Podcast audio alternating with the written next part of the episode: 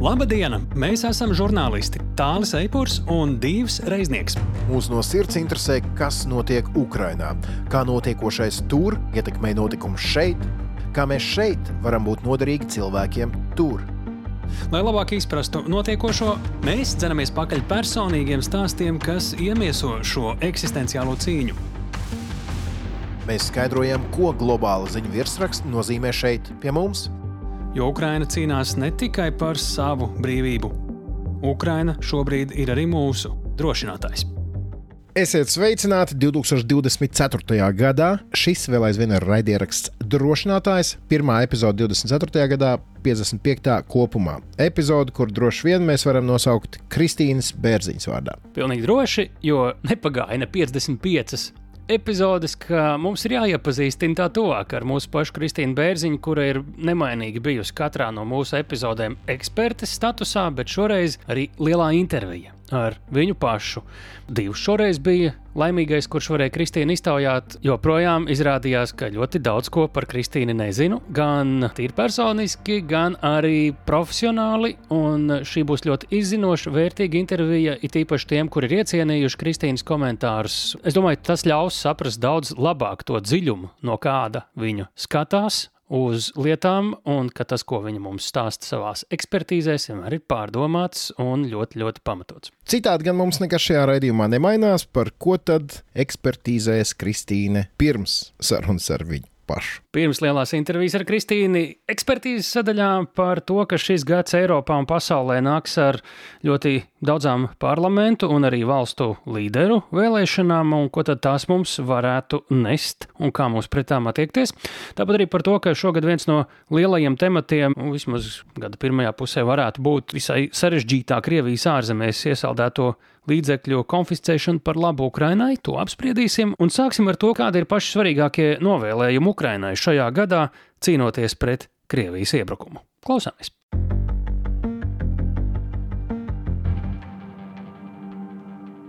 Sveiki, Kristīne! Sveiki, sveiki! Ir sācies jauns gads, un mēs arī tev vēlam labu, ražīgu, profesionālajiem ieguvumiem un devumiem bagātu gadu. Novēlam arī mums kopā vēl visu šo gadu arī sadarboties. Un esam arī pateicīgi par pagājušo gadu tev ir burvīgi izrunāt visus šos jautājumus. Tā ir absolūta prioritāte abpusēji, un arī, protams, ar klausītājiem. Tāpēc, ka tas, kas notiek Ukrajinā, nosaka ļoti daudz par to, kas notiks arī mums. Tāpēc ir svarīgi nepazaudēt to prioritāti un saprāšanu, ka tas nav kaut kas malā noliekams. Un tāpēc aiziet Vēl viens gads drošinātāja epizodēm. Un uzreiz ķeramies pie jautājumiem tev. Ukrainai priekšā 24. gads, lai vai kādi ir bijuši iepriekšējie, šis tagad ir svarīgākais. Kas ir tas, ko tu redzi kā pašu svarīgāko, ko Ukrainai šajā gadā varētu novēlēt, lai tai izdotos pēc iespējas veiksmīgāk tikt galā ar to kara murgu, ko Krievija ir uzspiedusi? Es jau esmu iepriekš arī runājusi, ka 2024. gads ir noteicošs ar to, ka izturība ir svarīgākā, bet ko konkrēti novēlēt Ukrainai? Pirmkārt, ir pašpārliecinātība, uzņemšanās un patstāvība. Ukrainai ārkārtīgi palīdz visas rietumvalstis, G7 valstis, Japāna. Tas viss ir ārkārtīgi nozīmīgi. Svarīgākais ir nepazaudēt uzdrošināšanos un pašpārliecinātību, kuru jau mēs esam redzējuši gan Zelenskija un gan runā, gan arī taktiskajos lēmumos, kurus Ukraina ir pieņēmusi pēdējā nedēļā un šī gada sākumā, piemēram, uzbrukums Krievijā un lielāka uzņemšanās uzbrukt Krievijas kara kuģiem Mālijā jūrā. Šis ir simboliski svarīgi, psiholoģiski svarīgi, tāpēc, ka Krievijā vēlās drusku attiet no kara retorikas dotajā momentā, Tā mēs arī redzējām jaunu gadu runā, ko Putins deva. Un svarīgi ir parādīt to, ka ir kara laika stāvoklis un ka Krievija nevar noteikt visu, gan ne retoriku, gan ne realitāti. Un tāpēc tiešām šī pašpārliecinātība, uzņemšanās, drosme, to vajag arī turpināt, tāpēc ka tā iniciatīva šīs ir zāles vai pote pret gan visas pasaules vienaldzību, gan arī tādu iesaldētā konflikta depresiju. Tāpēc tiešām uzsvers uz simboliskiem uzbrukumiem. Tāds varētu turpināties un būtu ļoti svarīgs. Vēl kas varētu arī būt svarīgs, ir būt gudrākiem un ātrākiem, bet tas attiecās ne tikai uz Ukrajinu, bet arī mūsu pusē. Tas nozīmē, ka nevajag vilcināties, ka visas iepriekšējās piegādes ieroči ir nākuši, bet ir nākuši vēlāk un lēnāk nekā varbūt vajadzēja. Un ar katru mēnesi tas ir dzīves, tās ir kara izredzes. Un, ja mēs varētu visi sasparoties arī rietumos un domāt, kā mēs varam ar to, kas mums ir, ātrāk un gudrāk cīnīties un, un izprast, kā šobrīd attīstīsies tālākā kara darbība. Un šeit ir runa arī tieši par dronu karošanu, kādā veidā var izmantot lēto ātrumu lai uh, radītu lielāku kara lauka efektu. Ja mēs pieņemam, ka izskatās, ka šajā gadā kara laukā uz frontes līnijas nenotiks milzīgas pārmaiņas, nu, protams, nevar jau zināt, piemēram, absolūts morāls sabrukums Krievijas pusē varētu radīt arī kaut kādas pārmaiņas, bet dotajā momentā, ja izskatās, ka būs stipri iesaldētas līnijas, tad ko var darīt, kas būtu vairāk iespējams, un tur arī jādomā par lētiem liela apjoma pasākumiem, īpaši par droniem, un kā tas kopā ar to iepriekšējo novēlējumu vairāk iegūt simboliskās uzvaras vai psiholoģiski radīt vidi, kurā karš tiek aizmirsts, tad tas varbūt prasīs jaunu, citu pieeju šim gadam, kas varētu arī turpināt motivēt un palīdzēt ir jābūt gataviem turpināt to, kas ir iesākts arī mūsu pusē. Visas atbalsta valstis, lai kopā sanāk un turpina atbalstīt un domāt, kā tomēr varētu tālāk rīkoties un kā to izdarīt ātrāk, gudrāk, tā lai šis gads būtu ne tikai iesaldēts gads, bet gads, kurā notiek arī ļoti pozitīvas pārmaiņas Ukrajinā. Ļoti daudz ko no tā, kā šie novēlējumi varētu piepildīties, varētu ietekmēt tas, kā dažādās, pat ļoti daudzās valstīs, tā skaitā Krievijā, ASV un vēl rindā citu valstu - Beļģija, Horvātija, Portugāle, Lietuva. Iespējams, arī pati Ukraina ar prezidenta vēlēšanām, iepriekšējās bija gan prezidenta, gan parlamenta vēlēšanas, ko es pieminēju, varētu ietekmēt notiekošo tātad Ukrainā, cik pārmaiņu pilns šis gads varētu būt. Arī Eiropas parlamentu mēs tepat Latvijā vēlēsim, tā izskaitā un visā Eiropā. Šis ir lielākais vēlēšanu gads, kāds sen nav redzēts. Tas, cik daudz valstīs varētu mainīties valdības un politiskās pieejas, ir gandrīz kā politiskā zemestrīce. Ja mums šobrīd ir viena saprāšana par to, kuri ir lielie lēmēji pasaulē, tad reāli tās personības, kuras varētu būt pie vadības pēc gada, gan Eiropas pusē, gan, gan visur citur, varētu ārkārtīgi mainīties. Ir milzīgs risks, ka nāk pie varas vairāk autoritārās, antidemokrātiskās balsis. Mums jānovēl sev noturēt un stiprināt savas demokrātiskās institūcijas. Jo, paskatīsimies uz Eiropas parlamentu vēlēšanām, Eiropas parlaments ir ārkārtīgi ārkārtīgi nozīmīgs Latvijā, mazā valstī, kurai ir liela balss Eiropas institūcijās. Mums, Latviešiem, Eiropas parlaments, Eiropas Savienība, tā ir liela prioritāte. Ja paskatās lielākajās Eiropas Savienības valstīs, tad bieži tas Eiropas parlaments liekas kaut kas tālāks. Tad, ko tas nozīmē? Nāk tad uz balsošanu vairāk tās ekstrēmās balsis, kuras ir ārkārtīgi motivētas mazos jautājumos, vai arī tādas vairāk ekstremālās, teiksim, tālās labējās partijas atbalstītāji vai tālējo kreiso partiju atbalstītāji. Un tas sakarīgais vidus, kur tiešām ir vairākums, šīs balsis bieži pat neierodās vēlēšanās. Un tāpēc ir ārkārtīgi nozīmīgi šogad, ka visā Eiropā tiešām nopietni uztver to, ka vēlēšana, tad, kad notiek karš, tad, kad pasaule izskatās bīstamāka un riskantāka, kad drīz kā kādu desmitiem nav bijusi, nu tad tiešām jāuzsver nopietni iespēju un to atbildību balsot. Risks, protams, ASV. Vēlēšana laiks jau ir sācies, tāpat arī Eiropā vēlēšana laiks ir sācies. Priekšvēlēšana kampaņas iet vaļā, uzmanība ārpolitikai pietrūkst. Kāpēc nav pieņemta atbalsta pakete Amerikā? Nu, tāpēc, ka pēc desmit mēnešiem, nākamā novembrī, tikai būs vēlēšanas, bet jau tagad runa par ārpolitiku nav populāra. Kā lai visi būtu drosmīgāki priekš, priekšvēlēšanu laikā neaizmirst par ārpolitiku, īpaši par atbalstu Ukrainai. Amerikā arī ir risks, ka tās izolācijas politikas atbalstošas valstis tiks pie lielākas uzmanības un ka ārpolitika varētu palikt tik nevēlama, ka pirmsvēlēšanu laikā Amerikā varētu netikt pie svarīgiem lēmumiem, kas nāk pa sliktu visai pasaulē un īpaši Ukrainai. Ir risks, ka demokrātiskās institūcijas paliek švaklākas gada laikā, bet arī tās varētu noturēties, varētu arī stiprināt tās pašas. Tas būs svarīgi visā Eiropas Savienībā, tas būs svarīgi Amerikā, tas būs svarīgi Iespējams, Ukrainā, kur iespējams būs vēlēšanas, nav vēl īsti zināms. Būs svarīgi arī Krievijā, tāpēc, ka, lai gan tās nav īstas vēlēšanas, tomēr tas arī priekšvēlēšanu laiks pagroza politisko sarunu. Putinam arī kaut kā jāpielāgo savu retoriku vēlētāju vajadzībām, un tālūk mēs redzēsim, ka vēlēšanas būs ārkārtīgi noteicošas, bet pats svarīgākais ir uztvērt šo kā risku pilnu, bet arī iespēju pilnu momentu.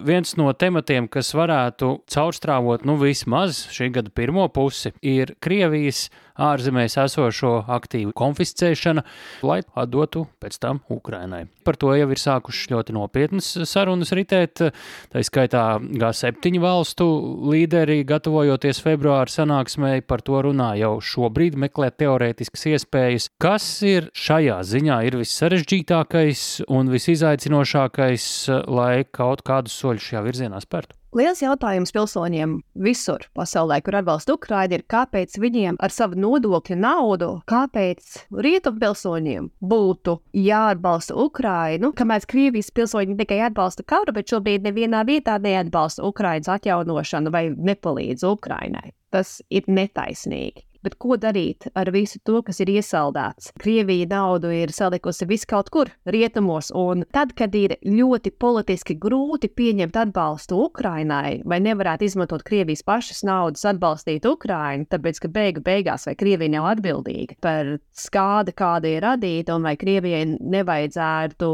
palīdzēt risināt šo jautājumu, pat ja Krievija nevēlas. Tas ir šobrīd arvien svarīgāks jautājums, tāpēc, ka mūsu īpaši lēnie politiskie procesi un priekšvēlēšanu laika bremzēšana rada situāciju, kurā tagad iesaldētie Krievijas ieguldījumi un resursi ir ārkārtīgi nozīmīgi, daudz vairāk kā līdz šim, bet tur ir jābūt ļoti uzmanīgiem. Rīcībai šajā jautājumā ir jābūt ļoti tiesiskai un jāsaprot, ka Krievijā gudras galvas arī pret rietumiem tālākus soļus spērs pret eh, uzņēmumiem, kuriem ir kaut kas arī Krievijā. Bet vai šajā gadā būs liela interese, lielāku skādi radīt arī rietumu ekonomikām? Tas būs liels izaicinājums, bet arī ļoti cēls mērķis, kur cerams, mēs varēsim atrisināt. Un arī šajā jautājumā ir jābūt ļoti gudriem un ļoti ātriem. Jo katru mēnesi, katru nedēļu Ukrainai vajag lielāku finansiālo palīdzību, bankās nauda sēž, bet kā lai mēs tiekam pietiekoši ātri pie risinājuma, pie tā ir jāpiestrādā. Juristiem, politiķiem, finansistiem daudz darba. Mēs eh, sakām paldies, Kristīne, tev šajā reizē, un tiekamies pēc, es pat neteiktu pēc nedēļas, jo šī būs īpaša epizode. Mēs gaidām vienu īpašu interviju par to pēc brītiņa vairāk. Tiekamies pēc dažām minūtēm un arī pēc nedēļas. Paldies Tālim! Tā bija saruna ar Kristīnu Bērziņu. Vašingtonā. Dzirdējām, kā Kristīne tā kā atvadījās un tā kā neatvadījās. Šajā epizodē vēl mēs viņu satiksim par to pēc brītiņa. Bet tagad ir sadaļa, kurā mēs parasti izskaidrojam kādu tēmu nedaudz plašāk, bet ja jau dīvaina epizode, tad līdz galam, galu galā, gada pirmā epizode, varam kaut ko arī nedaudz citādāk. Un šī epizode kaut kādā ziņā ir ne tikai par karu Ukrajinā, bet arī par mums pašiem. Proti, šoreiz mēs mēģināsim nedaudz jums pavērt priekškaru. Nedaudz jums pavērt priekškaru, eh, kā divas mēdz eh, šad un tad teikt, uz to, kā tad top raidieraksts drošinātājs, par dažādām mazām niansītēm, kas varbūt to atšķir no citiem raidierakstiem visnotaļ pārliecinoši.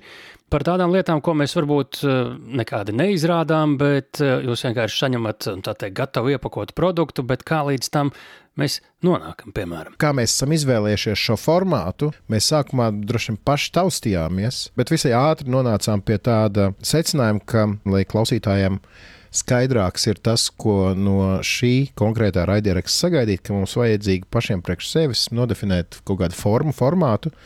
Un šis formāts ir eh, personīgi stāsti. Tas, ko mēs arī parasti jums atgādinām. Tātad ekspertīze mums ir Kristīnas rokās, bet vispārējo mēs mēģinām atrast cilvēkus, kuriem ir personīgi pārdzīvojumi, personīgi pieredze, personīgi izdzīvoti kaut kādi procesi, caur kuriem mēs varam ieraudzīt kaut kādu lielāku bildi. Nu, ja, ja mēs dzirdam ziņās par to, ka lūk, skolēni ir spiesti mācīties bumbu patvērtnēs, tad mēs mēģinām dabūt rokā skolotāju, kurš reāli māca un ir ar šiem bērniem patvērtnēs, lai saprastu, ko tas nozīmē. Jo viens ir to izlasīt ziņu virsrakstā, bet pavisam kas cits, ja tu vari uzdot daudz, daudz jautājumus, lai saprastu, ko tas nozīmē.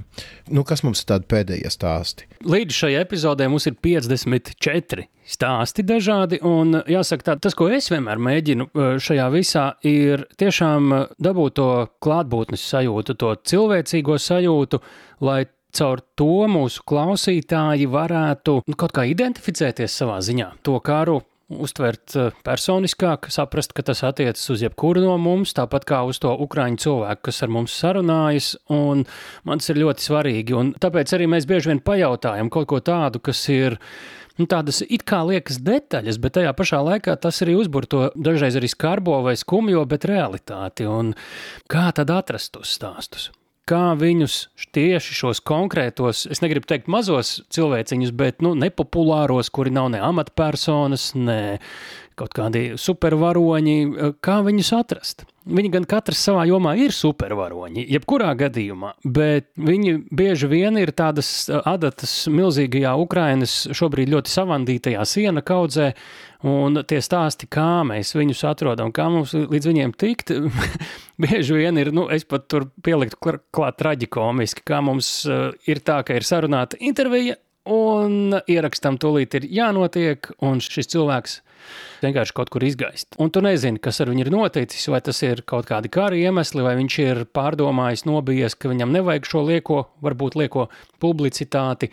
Un tam līdzīgi mums ir bijuši, tā teikt, gandrīz jau vada galā tiešām vareni temati un cilvēki, ar kuriem sarunāties, un viņi kaut kur vienkārši vairs nav. Un Ukrāņiem šobrīd ir ļoti grūti laiki, mēs viņus saprotam šajā ziņā, bet tāda ir tā mūsu realitāte. Ir vien diezgan liela stresošana, kamēr tas cilvēks tiešām ir nointervēts, nospied to stop pogu, nu tad ir tiešām patiesas atvieglojuma brīdis. Tas ir fakts. Protams, ka ja mēs visi ieliekam kontekstā, tad mūsu satraukumu par to, dabūsim vai nedabūsim interviju, ir pilnīgi nekas salīdzinot ar nezinu, dažu mūsu interviju varoņiem, kuriem ir citi jautājumi, vai es izdzīvošu jā. vai neizdzīvošu jā. līdz rītdienai.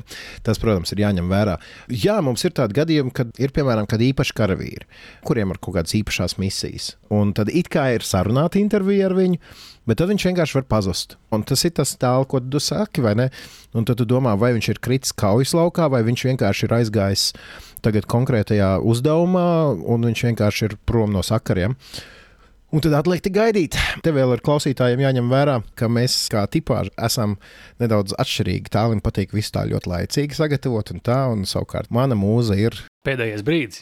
Pēdējais brīdis, jā. Un tad, un tad tāls parasti, nu, vai jau tu sarunāji ar to interviju, vai nointervēji. Es saku, jā, jā, man vēl laiks ir. Sevi uzmundrinot, bet dodot, dodot tālim bišķiņas sirmas matus. Bet atbildot uz tavu ordinālo jautājumu, kā mēs atrodam viesus. Sāksim ar, vispirms ar mūsu klausītājiem. Kā mēs jums sakām, tie nav tukši vārdi. Rakstiet mums uz drošinātājs Latvijas Rādio LV vai rakstiet mums sociālajos tīklos. Neviens vien viesis ir nācis cauri mūsu klausītāju ieteikumiem. Viens ir, ka varbūt kāds pazīst kādu Ukrainā, kādu cilvēku, kuram ir ļoti interesants stāsts. Tad eh, es, piemēram, atceros tālu tavu interviju ar YouTuberi, kurš mūsu klausītājiem par pārsteigumu izrādījās eh, cilvēks no Latvijas eh, ar lielu sekotāju skaitu. Tas, protams, arī mums ir interesanti un cerot, ka arī plašākai publikai ir interesanti. Otrs ir, mēs jau daudz lasām un skatāmies gan mēdījus, gan sociālos tīklus un tā tālāk. Un man ir atsevišķa digitālā mapīte, kur ir kaut kādas stāstu idejas, ar ko mums vajadzētu, vai ar kādu konkrētu cilvēku, vai par kādu tēmu mums vajadzētu parunāt. Mēs arī tāpēc arī nerakstam ļoti tālu uz priekšu, nekādas intervijas. Parasti sekojam līdzi, kas ir aktuāls un kaut kāda stāsta gaida savu brīdi.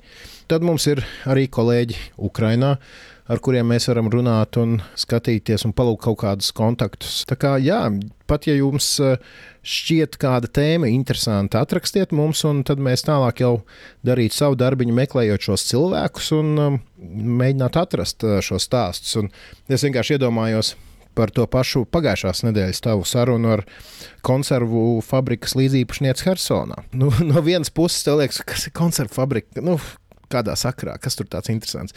Bet caur to personīgo stāstu, kā viena ģimene ir uh, savu dzīvi veltījusi tam, lai izveidotu fabriku. Tad atnāk iebrucējs, sagrauj to, bet tad viņi tiek padzīti, un atkal šī ģimene iet atpakaļ un, un, un mēģina to rūpnīcu atkal dabūt uz kājām. Tas nav stāsts par rūpnīcu, tas ir stāsts par individuāliem mm, centieniem Un tas ir visdažādākajās jomās. Mēs varam šos stāstus atrast, un man ir uh, liels prieks un gandarījums un pagodinājums, ka mēs varam būt starpnieks starp šiem stāstiem un klausītāji. Jo arī mums, tālāk, es domāju, te nav neko slēpt, ka, protams, ka arī mēs esam noguruši savā ziņā no tām ziņām, kuras atkal nāk un nāk, un sliktas ziņas, un varbūt bišķi labākas, bet skaidrs, un tas ir pilnīgi dabiski un tas ir cilvēcīgi. Bet mana personīgā cerība ir tāda, ka šie personīgie stāsti tomēr ļauj atcerēties, ka notikumi Ukrajinā tie nav tikai virsraksti ziņu pirmajās, bet varbūt pēdējās lapās. Nu jā, vēl es gribēju pievienot tādu ukrainisko noti šim visam. Pirmkārt, jau nu, viens piemērs ir līdz ko tu pietuvojies kaut kādiem militāriem tematiem, kur iesaistās varbūt kā saruna vai iespējama intervija ar kādu karavīru. Man ir bijis tā, ka man uzreiz pretī atsūta. Tagad aizpildiet eh, šīs veidlapas, šīs veidlapas, šīs veidlapas, dabūniet parakstus no tiem un tiem un tiem komandieriem. Un tad jūs varbūt varēsiet nointervēt, ja tas cilvēks pacels klausuli vai vispār būs pie sakariem vai vēl kaut ko. Ukrainā ir diezgan liela birokrātija un dažreiz ar to ir jāsatiekas. Tas ir viens ukrainiskums, kā es to sauktu. Tad otrs ukrainiskums, jūs esat ievērojuši tie, kuri ir klausījušies, ka mēs vienmēr pirms lielajām intervijām sakām, ka ir pieejama šī intervija oriģināla valodā. Dažreiz tā ir Ukrainiski, dažreiz krieviski, dažreiz angliski. Mēs esam godīgi pret jums. Mēs ukraiņu valodu neprotam tādā profesionāla žurnālistikas darba līmenī. Mēs eh, droši vien daudz saprotam un vairāk nekā pirms sākām veidot šo podkāstu, bet nu, ir ukraiņi, kuri ir visai principiāli, kuri uzstāja, ka viņi gan klausīsies jautājumus, gan atbildēs tikai ukraiņu valodā. Tādu nav vairums, bet eh, tādi ir, un tās mums ir reizē tu saproti to, Tu esi lepns, ka kāds ukrāņš tā pasaka. Es priecīgs, ka viņi aizstāv savu valodu. Tā pašā laikā mēs ar tādu pamatīgu nopūtu, zinot, kā mums būs jāpiestrādā pie tulkošanas un visa tā salikšanas jums saprotamā veidā tiem, kuri klausīties tulkoto versiju. Un ar angļu valodu un krievu valodu krietni vienkāršāk ir, bet ar ukrāņu valodu mēs virtuāli ar divu saskatāmies, sasmaidamies, uzsitam pa plecu tam, kuram nu būs jātulko. Tas ir diezgan labs izaicinājums. Tur tā problēma ir tāda, ka gan mēs, gan tāls nu, jau esam šīs intervijas veidojuši. Es zinu, ka viens no tiem vieglajiem variantiem ir, tu viņiem aizsūti jautājumus. Un tev atsūta atbildes, un tad nu, tā vai citādi tās atbildes tulko vai no kolēģa, vai no mākslīgā intelekta, vai vēl kādiem palīgiem. Bet nu, apmēram pusi no tā, ko viņi runā, mēs saprotam, nu, plus mīnus. Bet tā, saprot, tā žurnālistiskā sadaļa slēpjas arī tajā, ka tu sarunas laikā izdzirdi kaut kādu informāciju, ko tu nezināji, vai kaut kāds jauns aspekts parādās. Un tad ir, ir labi, ja tu saproti, ko tev stāsta, lai tu vari uzdot papildu jautājumus. Tu vari uzdot to papildu jautājumu Ukrāņu valodā, un tas, diemžēl, šādās sarunās eh, paliek aiz borta. Par to drusciņš žēl, bet tāda ir tā realitāte. Es atceros interviju ar Pitscepē, laikam, jā. Es ņemu Bokstarēja laukā tos uh, savus jautājumus ukraiņiski, un tad es klausos, ko viņš eh, runā. Es sēžu pie datora, man ir at, at, atvērts Google Translate, tad man uzrodas kāds jauns jautājums, tad es vienlaicīgi gadu viņā klausos, gan Google Translate rakstu savu papildu jautājumu latviešu, tad iztulko ukraiņiski, un tad es viņam viņu uzdodu. Sanāk, protams, bija tāds absurds teātris, bet tas izdodas. Starp citu, tagad gada pirmais mans Facebook ieraksts ir šērs no tāda Facebook konta četri eh, ceļo gardi, kuriem ir eh, brīnišķīgs apraksts ar bildēm par nu pat jaunā gada sagaidīšanu Ļuvivā. Tur viņi raksta, ka tur ļoti daudzi cilvēki atsakās totāli runāt krieviski. Līdz ar to man šķiet, ka mums ar tālu ir eh, arī nedaudz paveicies, ka šie mūsu varoņi jau saprot, ka krieviski mēs gribam ar viņiem runāt nevis tāpēc, ka krieviski, bet vienkārši tāpēc, ka tā ir viena no tām valodām, kurā mēs varam brīvāk runāt. Tas, ko es gribēju pateikt, viņi zinot, ka mēs esam žurnālisti no Latvijas, viņi mums dod šīs, šo atlaidi, teiksim tā. Citādos apstākļos viņi iespējams daudz vairāk tie mūsu varoņi runātu tieši ukrainiski, nevis krieviski. Viņi arī paši stāsta, ka ģimenēs viņi ir pat krievalodīgie ukraiņas iedzīvotāji līdz šim pārgājuši uz ukraiņu valodu, kā to pašu konservu ražotnes pārstāvi, ko mēs sarunājāmies. Bet jā, tas, ka jūs dzirdat, ka viņi ar mums runā krieviski, nenozīmē, ka viņi ar mums grib runāt tieši krievu valodā.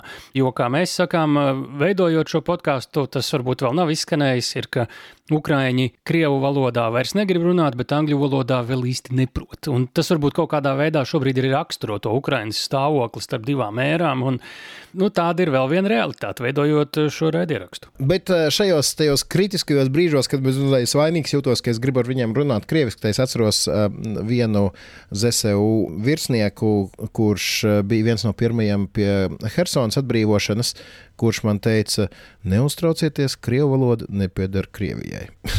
Un tad vēl mums klausītāji dažreiz prasa, Klau, kāpēc jūs netaisat video versiju? Nu, podkāstu, piemēram, varētu ielikt YouTube, varētu uzmest tā aci, kā jūs tur sarunājaties un tā. Tad nu, jāsaka tā, ka jā, tā potenciāli ir iespēja kaut kādai izaugsmai, bet šajā gadījumā ir tā, ka mēs tīri praktiski apsvērumu dēļ visas šīs intervijas ierakstām pārsvarā caur kaut kādiem vai WhatsApp vai Telegram vai vēl kaut kādiem šiem servisiem audio zvana formātā, tāpēc, ka tur tu dabūni vislabāko audio kvalitāti un arī, ja mēs mēģinātu šo taisīt kā video zvanu, ar internetu mēdz būt problēmas Ukrajinā. Tad šī signāla uztveramības, uzticamība krietni samazinās, un tāpēc mēs pagaidām vismaz esam tikai un vienīgi audio formātā. Nu, un arī te jāņem vērā vēl viena lieta, ar ko mums ir jārēķinās ļoti bieži, ne jau gluži katrā epizodē un intervijā, bet pietiekami bieži un regulāri, ir, ka ne visu mēs drīkstam stāstīt par to, ko mēs zinām par mūsu intervējumajiem. Šad un tad arī nesen jūs pieredzējuši, ka ne visi uzvārdi ir liekami, ne visi amati vai atrašanās vietas ir liekamas. Man, piemēram, ir bijis šad un tad brīži, kad es saku, pagaidi, pagaidi, stop, stop, stop, stop, te tu nu pat pateici, kur tu atrodies. Un tu pirms tam teici, ka mēs nedrīkstam teikt, kur tu atrodies. un ka pats intervējumais nejauši atklāja tādā atklātākā brīdī. Un, nu, mums ar to ir jāuzmanās, lai mēs arī tajās bildēs, ko mēs eh, dodam LSM portālam, kur ir rakstiskā formā mūsu intervijas, lai tur neparādās saturs, kurš pēc tam var norādīt okupantiem, piemēram, ka, ah, šito tornīti mēs Google kartē atradīsim, skaidrs, viņiem štābs ir te. Un tur atlido raķete. Ir bijuši mm. tādi brīži, Es zinu, ka tas nav ar mūsu raidierakstu, bet ar citu žurnālistu darbiem, kur ir bijuši šādi neuzmanīgi soļi, kuri, diemžēl, ir maksājuši veselības vai dzīvības, un tas eh, nav nekādā veidā mūsu mērķis. Līdz ar to nevienmēr visu, ko mēs gribam izstāstīt, kas mums ir zināms, mēs varam stāstīt, jo karš mīl klusumu, un mēs to cik nu iespējams cenšamies arī respektēt, un par to bieži vien arī pirms un pēc epizodes ar šo intervējumu cilvēku ir diezgan tādas eh, knauzerīgas labā nozīmē sarunas, ko tad īsti mēs liekam, ko neliekam iekšā. Viņi izlasa interviju LSM un pasaka, šito teikumu izņemiet labāk, te, tā nav droša lieta. Un te es teikšu tā, ka tā nosacītā pašcensūra ir tīri drošības apsvērumu motivēta. Šajā raidierakstā jūs esat dzirdējuši, ja esat mūsu pastāvīgie klausītāji, tad gana daudz ir bijuši cilvēki, kuri arī var pateikt kādu kritisku vārdu. Mēs neesam Ukraiņas propagandas raidījums. Jā. Nu, un mums ar visu šo kopā ir pieliekams klāt arī viens jaunums. Nu, ko nozīmē taisīt drošinātāju? Tas nozīmē nointervēt šo lielo interviju. Tas nozīmē nointervēt Kristīnu Bērziņu katru nedēļu. Tas nozīmē arī to visu salikt kopā ar visiem smukiem skaņu foniņiem, izgriezt visas manas un divu pārteikšanās, un salikt visus tulkojumus, atrast radio kolēģus, kas tos ierunā, un to visu sakraut vēl smuki, baudāmi, saprotami kopā. Tagad tas būs vēl jautrāk. Ne tikai Raidieraksts dažādās platformās un Latvijas radio mobilajā lietotnē ne tikai raidījums ar Kristīnu Bērziņu ceturtdienās, bet nu jau arī katru piekdienu pēc uh, dienas notikuma apskata 6.15. vēl jāiemācās, bet man liekas, ka tas bija īstais laiks Dzirdēsiet, tie, kuriem nav vērti šīs raidierakstu platformas, kuriem patīk ēteru klausīties, tur būs tāda kompakta drošinātāja versija, kur būs gan Kristīna, gan arī lielā intervija pietiekami baudāmā garumā. Tas tad no šī gada jau piekdien, solās būt gaisā. Nu jā, tas ir tiem, kuri saka, kas ir podkāsts. Nu tad reku mums būs arī radioversija. Aizrunājāmies mēs dikti, bet, ja jums ir kaut kādi komentāri par to, ko jūs dzirdējāt, atsūtiet mums vēstulīti. Drošinātājs at Latvijas Rādio LV vai, vai izmantojiet sociālos tīklus, ietegojiet mani vai tāli un pasakiet arī jūs kādu vērtējumu par to, ko jūs dzirdējāt, vai varbūt kaut ko mēs ne līdz galam pateicām, aizmirsām pateikt. Rakstiet mums, mums vienmēr ir prieks saņemt ziņas. Tas nozīmē, ka mēs nerunājam tikai paši savā starpā ar tālu ka vēl mūs arī kāds klausās.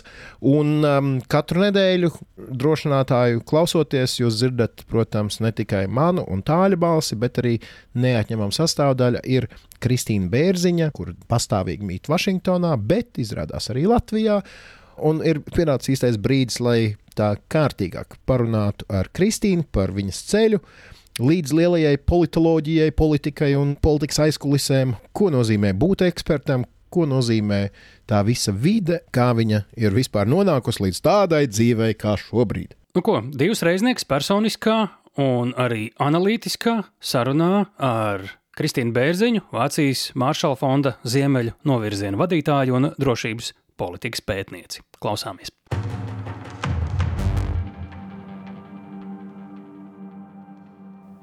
Kristīna Bērziņa manā uh, acu priekšā sēžam pie viena galda, galīgi nestandarta situācija, un pilnīgi nestandarta saruna būs šoreiz uh, mums ar Kristīnu.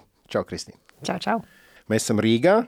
Cik bieži tu vispār Rīgā parādies? Vasarās es šeit vienmēr esmu, tāpēc, ka vasaras sezona man ir Latvijā. Bet augstajā laikā, nu, dažas, es nezinu, tad, tad, tad kad vajag būt, tad arī atskrienu. Tad, kad darbs prasa, ja? Tagad darbs prasa, jā. Klau, nu, sāksim no paša sākuma.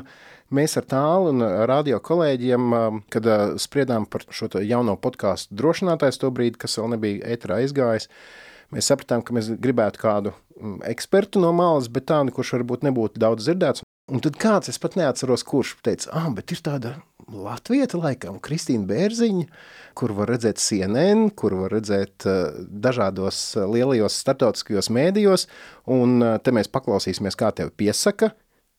Christina Brzina, the managing director with the German Marshall Fund, is here to walk us through what we know. I'm now joined by Christine Berzina. Christine Berzina. Christine Berzenia. Uh, Christine Bazina. Christine Berzina. Christine Bazina. Uh, Christine Bazina. Christine Bazina. Thank you so much for joining us here on BBC News. And very clearly laid out there. Thank you so much for that. Uh, Christine Bazina from the uh, German Marshall Fund. Christina, thank you very much for your insights. Nu, lūk, un tad uh, bija jautājums, kas ir Kristīna Bērziņa? Cilvēks, kurš ir pieprasīts uh, lielajos starptautiskajos mēdījos. Kas ir Kristīna Bērziņa? Es esmu Latvijā, Amerikā. Profesionāli, ko, ko tas īstenībā nozīmē? Man piesaka, tā es esmu Vācijas Maršala fonda drošības pētniece. Ziemeļu ievirziena vadītāja. Jā, piesakam, jā, jā, jā, mums ir ļoti sarežģīti izklausās. Tā, es, es strādāju Vašingtonā, domnīcā. Domnīca ar ļoti sarežģītu nosaukumu. Tas ir Vācijas Maršala fonds, un angļuiski vēl ir The German Marshall Fund of the United States. Jocīgs nosaukums. Uh, domnīca tāda, kur cenšas stiprināt eh, Eiropas un Amerikas attiecības, dibināta 72. gadā ar eh, pārpalikušu naudu, kura Vācijai bija palikusi no Maršala plāna. Tāda ir tā domnīca. Sāku tur strādāt Berlīnē, pēc tam Briselē un tagad divus gadus Vašingtonā. Tad, kad es pirmo reizi tev runāju, man bija tāds rēbus galvā. Tā, kāds ir tas viņas dzīves stāsts? it kā no Amerikas, bet, bet nē, valoda, bet pēc valodas nē. nepateiks. Pastāst, kā, kur tu esi dzimusi, kā tu nonāci līdz Vācijai un pēc tam līdz Vašingtonai? Nu, pavisam varbūt raips stāsts, bet tas viss sākās dzemdību namā, tepat Rīgā. Aha. Tāpat kā jau lielai daļai klausītāji noteikti stāsts arī turpat ir sācies. Bet Rīgā? Uh, Rīgā. Un uh, Purciemā, Dzelzavas ielā, pretī Purciema tirgumu, lai gan toreiz vēl nebija tur uh, tirgus. Bet, tad, bet 90. gadā tēvs, traumatologs Aivars Bērziņš dabūja iespēju aizbraukt uz Čikāgu apmaiņas programmā. Tur uh, Raša universitātē, un uh, jocīgā kārtā man un mammai arī iedeva vīzas. Tas sanāk 90. gads, tas ir... Tas ir tieši pirms. Tieši pirms neatkarības. Tieši pirms, jā. Uh mhm. Un e, tā lūk, viņam apmaiņas programma tad palika pa profesora amatu. Un e, uzaugu tādā iz, izglītota, es esmu tad e, Amerikā. Čikāgā, pēc tam bija arī posms Amerikas dienvidos, tāpēc arī republikāņi man nemaz nav sveši e, dienvidos dzīvodama tur, bet ar vienu kāju vienmēr Latvijā, brīvlaika šeit, vasara šeit, apmēram skola beigusies, varbūt nav pat beigusies, bet lētāk biļeti, tad vecāki mani lidmašīnā iekšā kādreiz Pie pielika vecvecākiem pie, pie vecvecākiem, pie, pie, pie vecvecākiem, pie brālēna māsīcas, ikšķilē vasaras. eh, Mā sākām māju arī celt ikšķilē. Vecvecāki cēla, eh, vecāki finansēja no Amerikas. Un eh, tā lūk, vasaras mēnešiem ilgi tīri normāli Latvijas vidē. Visi 90. gadi un pēc tam viss ir bijis brīvlaikā šeit. Tā kā man ir man Latvija ir kaut kas īsts. Un kaut kas, kas ar mani ir audzis, man ir gan atmodas laika, atmiņas un pieredze, bet pēc tam visi 90. gadi un tam līdzīgi varbūt es šeit negāju pamatskolā un vidusskolā. Bet šeit dzīvojusi, izjutusi, pārdzīvojusi visu to, kas bija arī. Man, man sēdēt un skatīties, tā, kad Vairvīķa Freiberga palika par prezidentu un, un būt klāt pie tā visa tā pārdzīvojuma, ko nozīmēja NATO tās visas runas, labi, mēs politiski par viņām šeit spriežam, bet man šeit tomēr būt. Kas tev ļauj arī šobrīd labāk darīt savu darbu, vai ne? Protams, Tu- tāpēc, ka es saprotu, pieredze. man, man ir šī pieredze, es esmu dzīvojusi un bijusi šajā pusē un tajā pusē. Un varbūt, kuras neesmu īsti bijusi iekļāvusies, ir drīzāk tajā Amerikas Latviešu sabiedrībā. Nometnēs un tam līdzīgi, tāpēc, ka es biju šeit. Mhm. Un, ā, man tas viss ir izpalicis. Skaidrs, labi. Un kā tad meitene no Purčika, kas uh, nokļūst uh, uz Čikāgu un pēc tam vēl pa vidu ir Amerikas dienvidos, uh, kā viņa kļūst par, nu, kas tu esi, politologs, politoloģijas.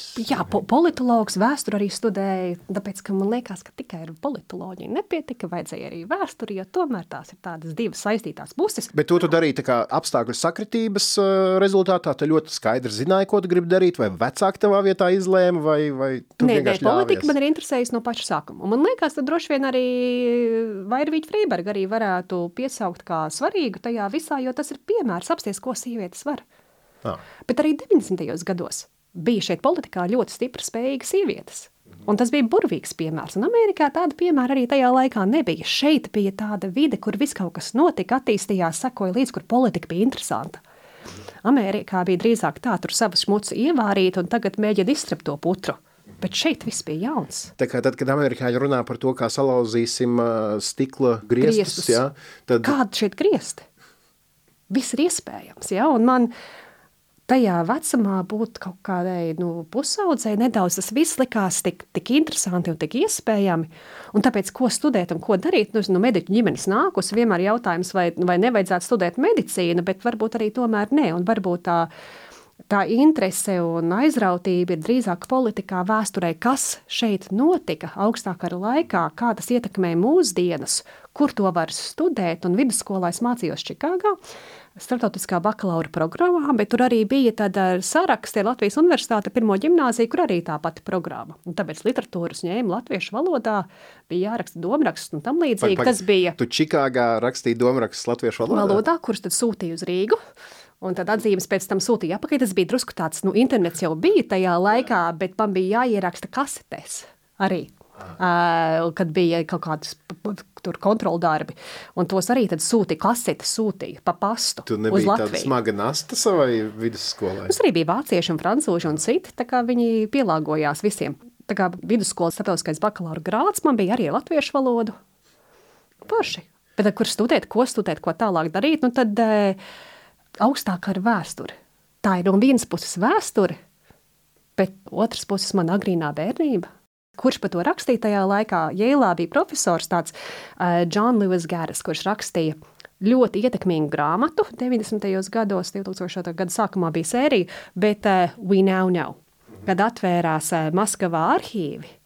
Tad sāk rakstīt par to, kā otrā pusē īstenībā bija bijis. Un vidusskolā mēs mācījāmies, mēs eh, lasījām to grāmatu vēsturē un, un pārunājām, un skatījos, kas viņš ir. Un tad, bija doma, kur tālāk studēt, tad es pieteicos Jēlā studēt. Jo tāpēc, citur. ka viņš bija Jēlā. Jo viņš ja? bija Jēlā. Mhm. Viņš bija Jēlā profesors. Un ja viņš varēja tā rakstīt, un ja viņam tas interesēja, tad es gribēju arī tur studēt. Nu kā, tu uzreiz tik iekšā? Es, jā, es uzreiz tik iekšā. Stipendija? Arī, jā, bet uh, Vai tev vēl ir studentu parāds? man nav. Okay. Tur uh, vecāki bija to, to, kas bija drusku, to bija jānomaksā, bet mums arī ģimenē bija traģēdija, jo, kad man bija nepilni 16, tad tēvs nomira. Un tad arī bija, kā, kā to visu izdarīt, ņemot vērā, ka tas lielākais pelnītājs vairāk nebija. Un mamma palika viena ar mani un māsu, un tad un kā tālāk. Un tad man nu, nebija tāda sajūta īpaši, ka man bija baigā izvēle. Talanti it kā man bija, bet man bija jāizstāsta. Tāpēc, ka, nu, ja ne es, tad kā tālāk? Mm -hmm. Nu, un tā, nu, un tā nu Tas bija tev bija arī jāsarauj. tāds tā kā dzinulis, jā? Nu, dzinulis man vienmēr ir bijis, bet, protams, arī tas ir kaut kas, kas Atbildība? Nu, atbildība, spītība varbūt. Mm -hmm. Traģēdijas gadās, bet tas arī man neietekmēs. Tas neizstīs mani no sliedēm. Mm -hmm. Es to varu, un es par spīti tam, ka notiek drausmīgas lietas pasaulē, es tomēr virzīšos uz priekšu. Nu, un tā tad uh, esam jēlā. Tu noteikti esi uh, parauga paraug students, sēdi pirmajā solā. Du- Nu, konkurence, protams, ir ļoti liela, bet tur arī ir liela. Nu, es esmu dzirdējis, ka citās elitā, elitārās universitātēs ir citādāk. Bet Jēlā bija tā, ka mēs visi bijām iemesti tādā milzīgā, grūtā, izaicinošā vidē. Visi kopā dzīvo kopmītnēs, ir drusku tā kā arī amerikāņu filmās. eh, Vismaz vienreiz nedēļā noteikti neviens naktis neguļ, tāpēc, ka daudz citādāk fiziski iespējams uzrakstīt visu, ko ir jāuzraksta. Visi cīnās, visi cenšas un visi viens otru arī atbalsta. Un tas bija ārkārtīgi nozīmīgi, jo tur bija gan eh, no Lielbritānijas mums, eh, mūsu kopmītnes pretī dzīvoja arī no Lielbritānijas ārkārtīgi no zilasiņu, ārkārtīgi turīga meitene, eh, no citi imigranti, kuriem eh, no, no, no Vietnamas, no Ķīnas, no, no, no Bangladešas, turīgi amerikāņi no visas pasaules, samet cilvēkus kopā, t- bagātus, nabadzīgus un, un visus pa vidu, un visi viens otru principā atbalsta. Tāpēc, ka kaut kā, ja tu tur esi ticis, nu, tad visiem kopā mums jātiek tam cauri. Man universitātes pieredze tāda, ka vislielākais iegūms ir tieši tas um, draugu tīkls, kas izveidojas universitātē. Un, ja tagad es paskatos uz mēdīju vidi, tad okay, tur strādā mans kursbiedrs, tur, tur, tur, tur, tur. Nu, tā vide viss ir pazīstama. Kā tavā gadījumā? Tev, tev, tu arī vari tagad braukt uz jebkuru pasaules malu, un tev ir ietekmīgi cilvēki, labi pazīstami un labi informācijas avoti. Ir, ir paziņas eh, daudz, daudz vietās, bet, protams, arī Amerikā, kad kopā studē no visām jomām, tāpēc arī ir eh, pazīstami labi neiroloģi un, un citi Arī tādi, kur nodara. kopā arī nodara. Jā, protams, tā, tā, tā, tā vide ļoti palīdz. Un izglītība nu, dabīgi fantastiska. Ja? Un, uh, iespēja tiešām studēt arī ar to John Lewis Garis. Bet uh, tajā laikā, tā, kad es gribēju rakstīt bakalaura darbu, un, un uh, Jēlā ir ļoti izcila tieši vēstures uh, fakultāte, kur daudz ierodās varbūt kaut ko citu, gribēdami studēt, bet uh, saprot to, ka vēsturnieki ir tik vienreizēji. Jēlā, studēja vēsturi. Bet tikai atpakaļ skatīties negribēju, tā kā iestājos vēsturniekos, bet paralēli var arī divās fakultātēs iestāties. Vienīgi tas, ka jāraksta divas bakalaura darbus un jāaiziet visus eh, nepieciešamo arī tur, tur tematiku. Un, eh, bet eh, tad arī politologos, lai tā kā uz priekšu skatītos. Un vēsturniekos es tad rakstīju bakalaura darbu par, par roka mūziku un roka mūzikas ietekmu atmodā šeit. Un, Par Latvijas tā- rokmūziku? Jā, jā, jā. Un tad no otras puses es, eh, es politologos rakstīju par, eh, par plānu Nord Stream. Pirmo gāzes vadu no Krievijas uz Vāciju būvēt. Un kāda tam būtu ietekme? Jo vēl nebija tas gāzes vads. Toreiz. Un e, tālūk divi bakalaura darbi, bet Kā par mūsu reģionu. Kā tās hipotēzes apstiprinājās vai neapstiprinājās? Nu, e, nu, man liekas, ka par, par Nord Stream es pēc tam visu karjeru esmu skakojis līdzi, ka no, no bakalaura darba līdz, e, līdz pagājušam gadam, ja, kad uzspridzināja principā e, ārkārtīgi no, nozīmīga un interesanta informācija, tāpēc, ka tā Nord Stream spēlīte vienkārši turpinājās. Tas, cik iespējami toksisks būs gāzes vads, arī tā, tā pierādījās. Un kur var izlasīt par to roka nozīmi? To, to varētu izrakt, jo tas bija par. Tur bija ļoti labs daudz intervijas, protams, es runāju arī ar, ar, ar Kulukavu un Ievu Akurāteru un citiem, tāpēc, ka tas ir, eh, tas ir ļoti interesants laiks, jo ļoti daudz ir akadēmiskā literatūrā rakstīts par Čehiju pa 68. gadu, kad bija roka mūzikā, tur tas uh, ietekmīgs uh, tā Plastic Peoples of the Universe. Uh, un, un es skatījos, un tomēr ir ģen, dzīvotā pieredze, un, un, un šeit būdama, un pērkona spēlējuma, un vecāku kāzās. Tā kā tas viss ir, viss ir pazīstams un zināms, kā tas, kā tas sazīmējās ar to akadēmisko literatūru, ar vēsturi, vai kāda tam bija nozīme? Es domāju, šobrīd sausījās mūzikas žurnālisti un mūzikas kritiķi, mūzikas pasaules cilvēki, jo es domāju, ka Jēlas universitātē šis varētu būt vienīgais bakalaura darbs par uh, latviešu rokmūzikas ietekmi pārmaiņu laikos. Tad, kad es rakstīju, tad Ieva akurāti rakstīja savu grāmatu, kur iznāca arī gandrīz vienlaicīgi. Un tad bija tāda jocīga situācija, tāpēc, ka iznāca grāmata, man viņa atsūtīja uz, uz Jēlu, un es viņu lasu, un viņa tur piemina to, ka es esmu viņai prasījusi par to vasarā iepriekš, burtiski sēžu un lasu un rakstu to darbu, un beidzot ir tā grāmata iznākusi, un es it kā lasu par sevi. Nē, nu, dzīve ir tāda drusku. Interesanti. Jā. Jā. Nu, labi, un pēc jēlas, kas notika tālāk? Pēc jēlas bija drusku naudu jānopelna, jo ne, jēla nebija lēts pasākums. Un tad es domāju, kā drusku, un tad bija Ņujorkā eh, strādāju lielā juristu firmā ar finansējumu saistītā. Studējusi politiku un vēsturi, juristu Jā, kantori. tāpēc, ka ASV nevar strādāt, eh, nevar studēt jurisprudenci bakalaura līmenī. Visi Amerikas juristi studē kaut ko citu bakalaurā, un pēc tam iestājās jurisprudence ir tikai doktora līmenī, pēc tam tāds jurisprudences doktora grāts. Un tad bija jautājums, vai tas interesēs vai nē, bet tur labi maksāja. Un es domāju, nu labi, drusku ir jāpiepelnās tomēr. Un es Times Square aizgāju strādāt jurisprudences firmā, bet tad sākās finanšu krīze un lielās bankas arī, kuras sāka grimt, bija klienti un bija traki laiki. Astotais gads, jā? Astotais gads. Mm -hmm. Un tur e, bija jāiet cauri CNN un citām e, kamerām un, un visām mēdījiem, kur stāvēja blakus. Tur ielas pretējā pusē bija arī attiecīgās bankas, un tur cilvēki nāca ārā ar kastēm, un, un bija traki laiki. Bet uh, drusku tur pastrādāja, sapratu, ka ne, tomēr finanšu joma varbūt nav man tā, tā, tā tuvākā. Un bija iespēja aizbraukt uz Vašingtonu. Un es biju divas vasaras praksē, bijis Latvijas vēstniecībā Vašingtonā. Man patika tā. Man patika atgriezties politikā, bet tomēr krīzes laikā, kur tu atradīsi kaut ko maizi nopelnīt. Un e, vietiņa, kur varēja iekārtoties, tad uz gandrīz pāris gadiem bija e, nevalstiskā organizācija, kur strādāja ar klimata pārmaiņas jautājumiem, un tā kā es biju par enerģētiku, tā kā rakstījusi bakalaura darbā, labi, tas bija par Nord Stream, labi, tas bija Eiropā, bet, ja bija darbs par klimata pārmaiņām Āfrikā, tad, e, nu, kaut ko, vismaz bija Vašingtonā un politiskā telpā, bija, bija interesanti Tur uh, pastrādāju, tikmēr pieteicos uz maģistriem, un atkal vairāk par lietu.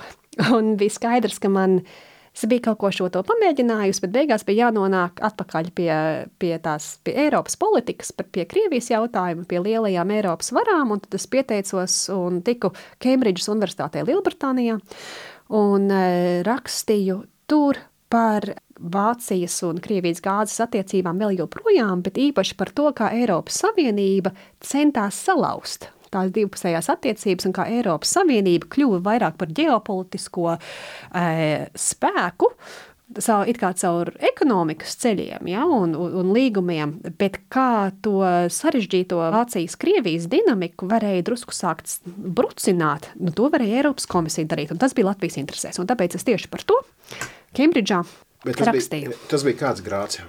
Ma maģistrs. Ma maģistrs. Ma maģistrs man ir no Kembridžas. Uh -huh. un, un ko tas nozīmē? Pastāst tiem, kuriem nav bijuši šajā maz dzirdētajā universitātē vēl vienā.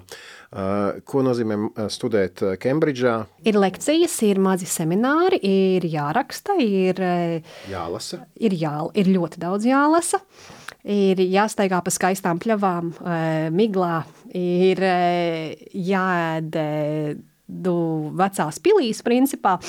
Uh, ir skaisti, drusku drēgns, bet ir arī sevi jāpierāda. Tur arī atkal no tiem, kuriem interesē politika un starptautiskās attiecības no visas pasaules. Cik gadi tie bija? Tas bija gads. Gads, jā. gads tas bija. Jā. Ah, jā. Ātri. Ātri. Jā, tāpēc, ka es konkrēti zināju, ko es gribēju. Un, ah, tev vienkārši tev nav tur gadi jāpavada, tev vienkārši tev ir, jāsavāc ir, ir, ir, ir kaut kādi kaut kād attiecīgie priekšmeti bija, nezinu, tur, tur nedaudz bija jāpaņem un bija jāuzraksta to darbu. Un tur bija profesori, kuri bija ar vienu kāju te, tur biznesa skolā un ar otru kāju politologos, kuri varēja man palīdzēt izprast to, ko īsti nozīmē Eiropas komisijas politika attiecībā uz gāzi no ģeopolitiskā viedokļa, bet tur varēja, vajadzēja arī to faktisko, ja? kā, kā tad strādā gāzes tirgi. Nu labi, tad, kad Kristīna Bērziņa ir uh, jau ar diviem diplomiem, Jēlas un Kembridžas diplomiem kabatā, es pieņemu, ka principā tev visas durvis ir vaļā. Kā tad tu izvēlējies un kur tu gāji tālāk? Tālāk uz Berlīni, e, tur personīgā dzīve arī ir no svara, jo man tad vīrs jau e, strādāja Berlīnē tajā brīdī. Viņš ir žurnālists, un e, viņš bija Berlīnē, un tāpēc es arī tālāk uz Berlīni.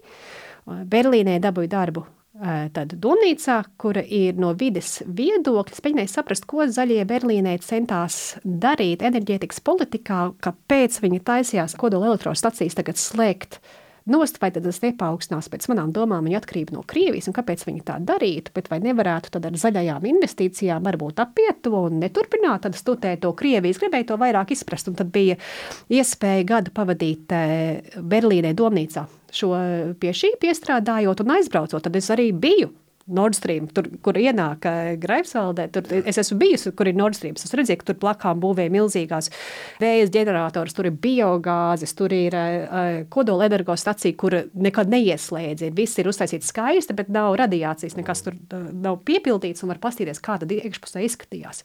Ļoti interesanta vide.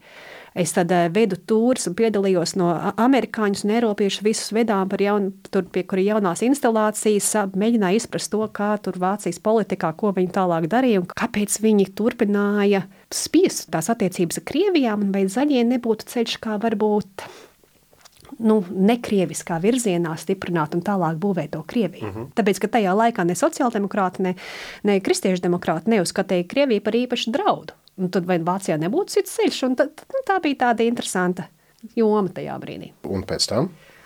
Un pēc tam mani uzaicināja Amerikas organizācija rakstīt pētījumu par kaut ko, kas bija pavisam jauns. Turpināsim drusku tajā ģeopolitikā un enerģētikā. Un tas jaunais bija tas, ka Amerikā pēkšņi bija parādījusies gāze. Kad dažus gadus iepriekš Amerika importēja, bet pēkšņi bija slānekļa gāze. Un e, Amerika sāka ražot, Amerikā eksports bija aizliegts tajā laikā. Un e, bija tie jau Vašingtonā, kur sāka domāt, vai tas nebūtu kaut kas interesants un nepieciešams Eiropai.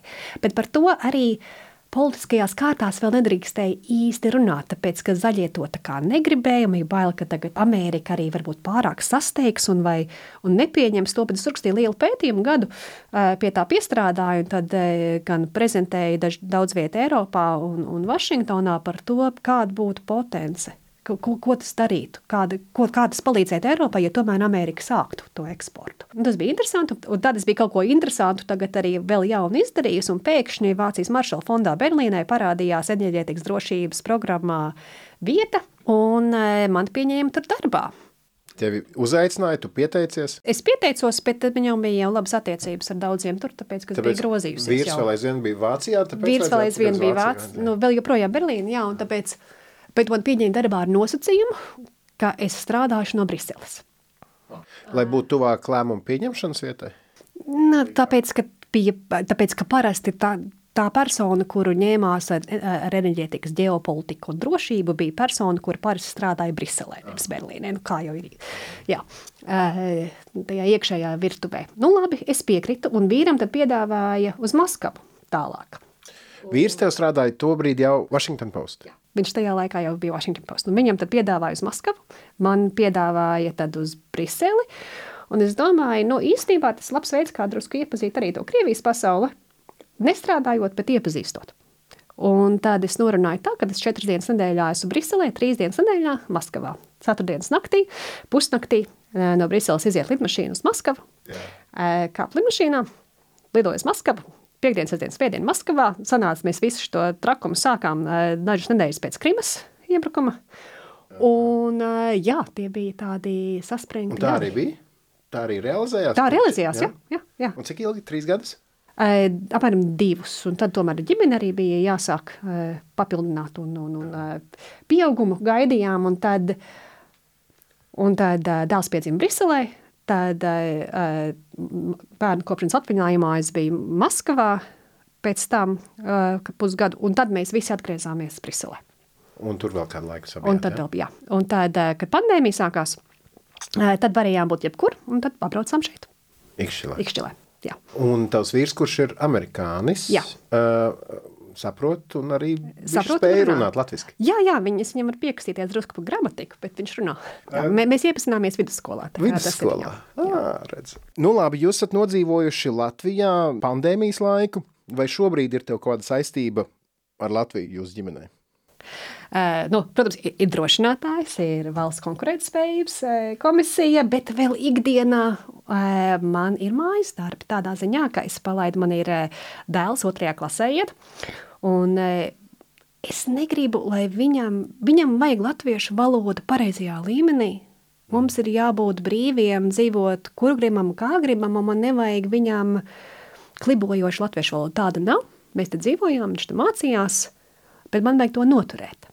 Un kā? Un tad pašlaik viņš iet uh, brocēnu vidusskolā tālmācībā. Brocēnu vidusskolā, Jā. tālmācībā. Tādu piedāvā. Tāda iespēja, iespēja ir. Jā, Tāda iespēja ir, un tad mums jāatcerās agri no rīta un e, jāpieslēdzās Microsoft Teams, un Jā. ir burvīgi skolotāji, un jāskatās līdz tāpat kā visiem šeit, e-klasē, un e, jāiet cauri, e, jāpilda pārbaudas darbus, tikai šos ir internetā pēc tam jāiesniedz, un ir, un viss notiek. Es saprotu, ka māte ar to lepojas, bet ko saka pats Hugo? Hugo, Hugo nesūdzās. Aha. Jā, un mazā vēl nav, vēl nav skolas vecumā, diemžēl. Klau, um, šajā visā laikā, cik reizes tevi ir uzaicinājuši, vai uzrunājuši, vai piedāvājuši darbu šeit, Latvijā? Nereizi. Jo? Es nezinu. Tāpēc, ka neviens nezināja, ka tāda Kristīna Bērziņa ir Jēlā, Nē, nu. Nē, nu, tad, ne, tad nav, es neesmu slēpusies. Nē, nu, prakses bijušas vēstniecībā, es pazīstu arī daudzus, bet, bet pat arī pirms, pirms drošinātājus es daudz runāju gan ar Artjomu Konohovu Briselē, ar, eh, gan ar, ar divās puslodēs mani. Bet, uh, aicināja. bet tev pašai interese nekad nav bijusi. Ir, bet ir bijusi jautājums ir, nu, kad, nu, pirmkārt, vajag piedāvājumu savā ziņā, ja? un, un tad ir paša, pašā, pašā sākumā pēc jēlas. Nu, tad vienkārši man, man vajadzēja drusku vairāk at- atpelnīt, lai no kredīta tiktu vaļā. Nu, tur, bet pēc tam Kredīts vienmēr- atpelnīts? Jā, bet tāpēc ir vienmēr Ņemiet vērā jautājums. Latvijā. Jā. Bet jā. kaut gan, kaut gan uh, nav jau tā, ka tu Latvijā neko nedari. Jo, cik es zinu, tu Latvijā esi bijusi vismaz vienu reizi, pilnīgi noteikti tikai dēļ viena iemesla, lai piedalītos kādā speciālā komisijas Jā. sēdē. Jā, no atklāšanā komisijas. jā. Izstāst par to, ka, Nu, jā, man pieaicināja tad, eh, piedalīties valsts konkurētspējības ko- komisijā pie prezidenta. pie jā? prezidenta Rinkeviča. jā. Aha. Ko jūs tur darat? izstrādājam rekomendācijas, e, kā reāli faktiski palielināt Latvijas konkurētspējību. Kas ir izdarāms gan ātri, gan ilgākā termiņā, lai Latvijā būtu augstāka dzīves kvalitāte, kā sadarbojās labāk izglītība ar zinātni, nu, lai šeit būtu foršāk. Man liekas, tā to varētu arī novienkāršot. Un Kur tu redzi to savu pienesumu? Saprotam, kā, kā, kā Latvija kotējās pasaulē. Kas ir Latvija, kas nē, kur, ja runa ir par konkurētspēju otrā pusē, tad man ir ļoti liela skaidrība par to. Man visu laiku jāskaidro, kas ir Latvija, kas Latvijā ir, kas Latvijā nav. Ja runa ir par eh, izglītības izcilību un tam līdzīgi, tad arī uh, ir ko teikt. Ja ir runa par uh, nu, manu konkrēto lauciņu, tad arī nu, drošības politika, tur arī ir industriālās daļas, kas ir drošības sektorā, kas ir nozīmīgs un kas nav. Tad ir tāds, nu, man ir tas pienesums. Labi. Tik tālu par tevi. Tagad parunāsim nedaudz par to, ko tu dari.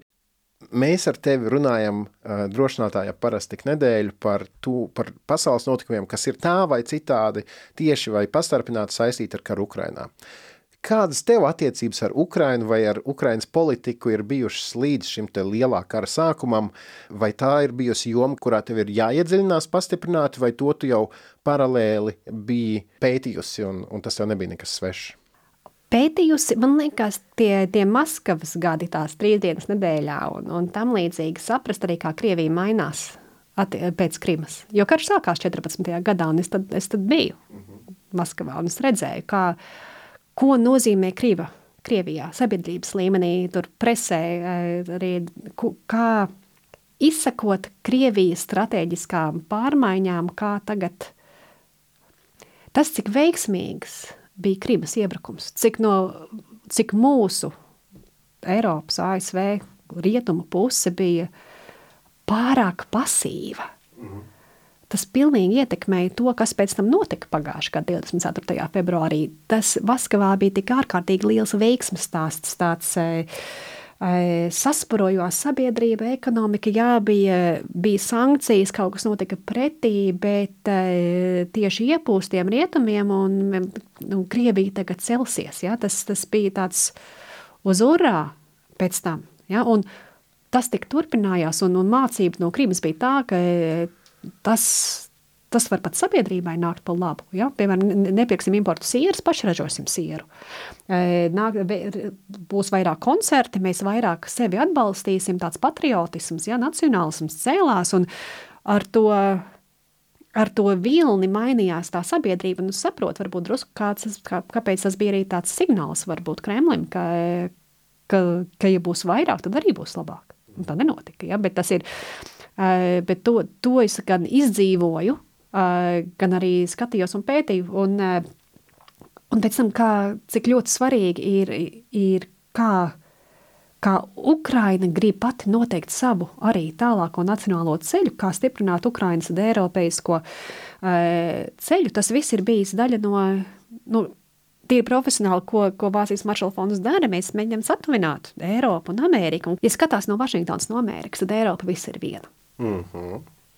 Un kādreiz, ja sēž Berlīnē, vai ja sēž uh, Londonā vai Parīzē, tad tā Austrumēropa var būt kaut kas cits.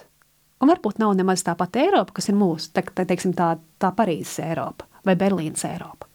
Bet no tālās Vašingtonas visa Eiropa ir Eiropa. Mm -hmm. Grūzīņus ārkārtīgi uzklausa Vašingtonā, tāpēc, ka Grūzija ir Eiropa. Ja? Es īsti nezinu, vai Parīzē Grūzija ir tik ļoti Eiropa cik Vašingtonā Grūzija ir Eiropa. Un pēc šī principa, tāpēc ir ārkārtīgi svarīgi tādu to, to trīsstūri. Īpaši, īpaši Latvijā tas bija svarīgi pirms Eiropas Savienības, pirms NATO.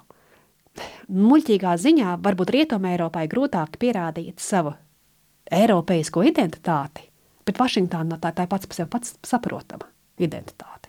Un tālūk tas ir bijis svarīgi, ja? tāpēc, ka bez, bez Vašingtonas iedrošinājuma, bez Vašingtonas optimisma attiecībā uz Eiropas integrāciju, plašākās Eiropas integrāciju, es šaubos, vai šis viss būtu kājas uz priekšu. Un tas vēl joprojām ir ārkārtīgi nepieciešams Ukraiņai, tas būs nepieciešams Grūzijai, tāpēc ka tāda atvērtība, ja varbūt tas ir Amerikas sabiedrībā, arī tipiski tāds nu, vispār tāda atvērtība vai nu, lielākas, varbūt arī vispār ģeopolitiskās ambīcijas, un ja to drusku var iepotēt un arī sarunāt Eiropā, nu tad Eiropa arī veiksmīgāk aug.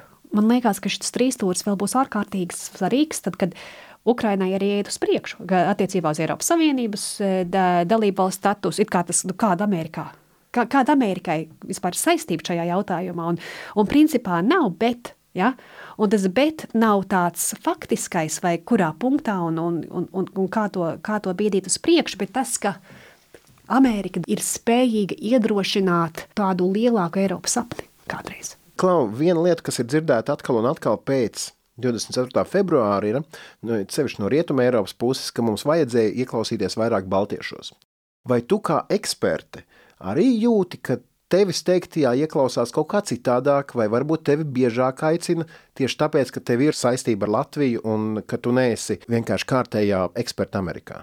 Jā, ir lielāka vēlme uzklausīt un varbūt mazāk aizspriedumu par to, ka manas domas, tāpat kā visas Baltijas reģiona domas, nav kaut kas ekstrēms un mazsvarīgs, bet ka ir bijusi kāda taisnība. Protams, tā pieredze nav universāla. Tev par labu spēlē arī tas, ka eh, tu vari izcelt laukā savas vecās intervijas un pateikt, ka Krievija iebruks Ukrainā, vai ne?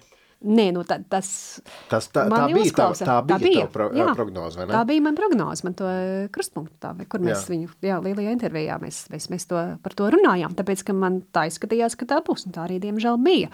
Bet, nu jā, tad mums ir, mani uzklausa, bet nevienmēr. Un ir arī tādas sarunas, bet es teiktu vairāk ar rietumu Eiropas cilvēkiem, teikt, ar vāciešiem, kādreiz ar angļiem. Amerikāņiem? Pat amerikāņi uzklausa. Tur nav problēma. Uh, tur jau tā lieta, tāpēc es saku, ka ir, ka amerikāņiem ir drusku pie vienas vietas, vai tā ir Latvija, vai tā ir, vai tā ir Spānija. Tā viss ir Eiropa. Ja? Ar vāciešiem grūtāk. Piemēram, ja? ar, jo vā, ar vāciešiem drīzāk man ir tā, ka, Dai, tu esi latviete, tev ir vēsturiskās paranojas tādas, ka es, es netaisos tās uzklausīt. Ja? Man tā ir pateikts. Tā ir? Jā. Pēc, pēc iebrukuma, pēc pagājušā gada. Man liekas, ka pagājušā vasarā vēl joprojām es varu ka kaut kur nu, slēgtā diskusijā, man, man vienkārši pasaka, bet tu esi baltieta, man nav tevi jāuzklausa. Jo tev Par ko mēs runājam? Tie ir kaut kādi lēmumu pieņēmēji, citi eksperti vai, vai par kādiem līmeņiem mēs runājam? Mm, ar nu, ar politiku saistītiem cilvēkiem no Vācijas. Uh, arī ar uzņēmējiem man ir milzīga problēma. Un, un tā, tās ir arī manas bažas par to, kas notiek tālāk, kas notiek teiksim, pēc kara. Tāpēc, ka ja šī domāšana par to, ka baltiešu uzskati nav mazsvarīgi, ja tas ir skaidrs, ka, ka tā ir taisnība Vašingtonā. Francūži drusku arī maina savu dziesmu, un tas viss ir, tas ir viss baigi forši. Rietumē Eiropas lielo uzņēmēju kārtā, kad ir ar uzņēmumu vadībā, eh, vad, vadošām personām sarunas par to, kādas, nu, kādas būs tālākās ekonomiskās attiecības ar Krieviju. Latvijas uzskati par to, ka varbūt nevajadzētu atgriezties uh, vienā, tur iekāpt atkal vienā gultā ar, ar Krieviju. Ka varbūt tā nav visgudrākā doma, ka tomēr tā nebūtu tā kā balva mhm. Krievijai dēļ kara par to, nu, tad man vajag braukt virsū, apsies kādi sakal. Kā, kā tad es tā drīkstu teikt? Un nē, tas nav svarīgi. Tas viņiem, tas viņiem nav noteicoši. Un kā es vispār drīkstu tādu lietu teikt? No, tāpēc man, man ir bažas par to, kas notiks kara beigās, un vai kad nebūs vairāk sankciju režīms, ka vairāk nebūs nepieklājīgi. Tā ir taisīt biznesu Krievijā, ka tas viss būs apakaļ. Tāpēc, ka tāda viens, divi, tāpēc, ka domāšana vāciešu, angļu uzņēmēju kārtā nu, nav mainījusies. Kāpēc viņi, nu, viņi redz kaut ko citu nekā mēs? Viņiem varbūt vienalga. Klau, eh, tajā jūsu ekspertu um, komunā, vai ir kaut kāda dalīšanās, lūk, nosacītie Austrum Eiropas, tur Centrāla Eiropas eksperti um, un, un tur amerikāņu vai Rietuma Eiropas eksperti? Es tagad nerunāju par um, es nerunāju par ekspertīzes lauku, bet par izcelsmi. Proti, tātad eksperti ar, sa ar, saik ar saknēm, piemēram, Latvijā, Polijā, um, Igaunijā vai Baltkrievijā, ir tomēr kaut kādu, nu, ar šo te savu kaut kādu vēsturisko bagāžu, un tad ir vienkārši brīnišķīgi izglītību ieguvuši rietumi eiropieši vai amerikāņi. Vai, vai šāds dalījums tajā ekspertu kopienā ir vai, vai nejūtās? Nē, tāds nav. Es tieši ļoti atvērta tā, tā komūna, ka, ka ir, ir daudz no visādām pusēm, bet pat tīri ir nu, jautājums, kur tiek aicināti un uzklausīti un tam līdzīgi. Un, un, un, un, nē, man liekas, ir, ir ļoti. Teiksim tā, ja, ja ir uzskati vai pieredzes no arī citiem reģioniem, tās tiek novērtētas. Nav tā, ka ir atdalīti šādi vai tādi eksperti un ka šeit ir tikai tikai kaut kādiem tīrasiņu amerikāņiem, lai gan vispār nezinu, ko tas nozīmētu, bet e, tas ir tiem pārējiem. Tā nav, un arī ir, ir ļoti iespējams tajā ekspertu lokā ātri iekļauties un tikt uzklausītam. Arī no, no, no tādas no valsts iekārtas puses. Vai šis eh, Krievijas iebrukums Ukrainā tev ir atvēris acis uz kaut kādiem cilvēkiem, kuri tiek stādīti priekšā kā eksperti vai sevi pasniedz kā eksperti, bet redzot, ko viņi eh, runā par notiekošo, notiekošo Ukrainā, nu, tu redzi, ka tur ir vienkārši tiek runāts runāšanas pēc vai arī dziļās auzās tiek braukts iekšā. Varbūt pašā sākumā bija vairāk tā, bet tomēr tie, kas kaut ko sajādz un nesajādz, to nevar jau mūžīgi izlikties vien, vai ne? Tur tomēr izsījājās. Ja mēs runājam par ekspertiem, kas ir eksperts? Kurā brīdī mēs tevi, Kristīna Bērziņa, varam saukt par eksperti, un es nezinu, Lāsmu Kārkliņu nevaram saukt par eksperti? Un varbūt, ka šis nav jautājums, kas tev ir jāatbild, bet kā tu to redzi no savas puses, kuru sauc par ekspertu un kuru aicina dot savu ekspertas viedokli? No vienas puses paskatās garlaicīgi uz CV, vai ir e, cilvēks nu, nu, akadēmiski varbūt e, trenēts, lai izprastu situāciju. Tas ir no vienas puses, tā ir sava veida ekspertīze, ja, vai, vai atbilst kaut kāda izglītība un amati. Jā, bet svarīgāk arī tas, ka cilvēki aktīvi nodarbojās ar to jautājumu. Ja, un, un tā ekspertīze nav tikai tīri, ka kāds ir uzrakstījis tur grāmatu vai ir izlasījis desmit rakstus. Ir tas, ka vai, vai, vai cilvēki to izprot dziļākā līmenī, vai cilvēki ir lietas kursā par diskusijām, vai viņiem ir pieredze. Ja? Un daudzos jautājumos tā akadēmiskā izglītība ir daudz mazāk svarīga nekā, nekā tieši pieredze. Un tāpēc, jā, jūs mani piesaucat kā, kā, kā eksperti, bet katra persona, kur pēc tam garajā intervijā tiek intervēta, tie nu tie ir īsti eksperti. Ja? Tāpēc, ka viņi ir Viņi tiešām kaut ko zina. Nu, kas ir eksperts? Cilvēks, kas kaut ko zina. Un zināšanas ir dažādas. Zināšanas ir no, no grāmatas lapas, no, no, no lekcijām. Zināšanas arī ir no pieredzes un no tā loka, no kurienes informāciju arī ņem. Ja? Un, un tā tā, tas viss bagātina kopējā zināšanas, un tas viss, es teiktu, ir pat uh, vienādi svarīgs. Nav tā, ka, ka, ka kaut kas ir noteicoši. Mēs ar tevi pārunājām, par ko mēs tagad runāsim, un tā, un tad, tad es dzirdinoties ik pa laikam, nu jā, tad es biju kongresā, runāju ar staferiem, tagad mums brauc Igaunijas prezidents, tad man tur jābūt ir, tad man jāatbrauc uz Rīgu, uz Rīgas konferenci. Kas ir tās vietas vai tie avoti vai tavs veids, kā tu esi lietas kursā, ievāc informāciju, kur tev ir jābūt, lai tu apmierinātu savu vajadzību profesionālo? Man ir jāsaprot, kāda, kāda sarunas notiek abos okeāna pusēs. Ja? Nevis tikai Amerikas viedokļi, un tad ir, nu, attiecīgi ir, Amerikā ir daudz viedokļu, bet ir svarīgs ir viedoklis, kas ir ko, kopā ar kongresā, ko saka kongresa pārstāvji vai steferi, ko saka Baltais nams, ko saka Amerikas sabiedrība. Un tad ir ārkārtīgi svarīgi arī braukt. Un ne, nebūt tikai Amerikas tajā Vašingtonas burbulī, uh, bet uh, tikties ar uh, reāliem amerikāņiem. Nu, kā tas notiek? Tu aizēji, tu aizēji pie priekšnieka, pasaki tā, es tagad gribētu aizbraukt uz Luizijānu, lūdzu parakst manu komandējumu, izmaksā man komandējumu naudu, un es tagad braukšu nedēļu vienkārši ar Luizijānas iedzīvotājiem nu, sarunāšos. Kā, kā tas notiek? Nē, nu, tā tas nenotiek. Drīzāk, ka, ka no, no domnīcas puses mēs veidojam projektus, kuriem mēs gan ar uh, Eiropas amatpersonām, ar diplomātiskiem pārstāvjiem, kas Vašingtonā ir vai citādāk, braucam tādās tūrēs. tūrēs. Un, un, tad, un tad pavadām vairākas dienas, teiksim, kaut kādā Teksasā vai Floridā vai Rietumvirģīnijā. Piemēram, un reāli veicam sarunas ar dažādiem sabiedrības slāņiem un, un pārstāvjiem, tur, gan ar uzņēmējiem, gan ar studentiem, gan ar nu, vietējām amatpersonām. Un runājam par to, kas ir svarīgs Eiropā un saprotam, kāpēc tā Eiropa varētu būt svarīga viņiem tā ir cita ekspertīze, bet tā ir, tā ir ārkārtīgi nozīmīga saprašana. Man, man, man informācijas avots, lai es arī iegūtu lielāku saprašanu par to, ko, ko Amerikā domā, ko amerikāņi domā. Un tagad es esmu Eiropā, vai pat kad eh, braucu no Eiropas uz Ameriku, tad runāties ar nu, Eiropas svarīgiem lēmumu pieņēmējiem, kuri viesojās Amerikā un vadīt ar viņiem diskusijas Vašingtonā ar vašingtoniešiem. Jo tas ir, ko domnīca dara. Viena lieta ir rakstīt pētījums kaut kādus, jā, protams, bet cita lieta ir veidot telpu, kurā Eiropieši spēja izpaust savus viedokļus, savas raizes un uzklausīt arī amerikāņu. Protams, pie jums atnāk tur pie viena galda kafiju dzerat vai, es nezinu, tur ir kaut kādas diskusija jūsu telpās un tad jūs esat tā kā kopā, vies, jā. tā kā saimnieki un, un abas puses sanāk kopā un tad izrunājas. Ja? Tieši tā, jā. Un, un kur tu parasti tos staferus satiec? Tu regulāri ej uz kongresa kafejnīcu, iedzert kafiju? Nē, nu tur ir jāsarunā viņam tikšanos. Jā, bet uh, viņi jā, var aiziet uz kongresu un aprunāties ar staferiem. Uh, var sarunāt tikšanos. Uh, var aiziet, uh, var viņus uzaicināt tad uz diskusijām. Uh, kuras notiek arī Vācijas Maršala fonda telpās. Uh, tad pieaicina cit, no citām domnīcām, no universitātēm.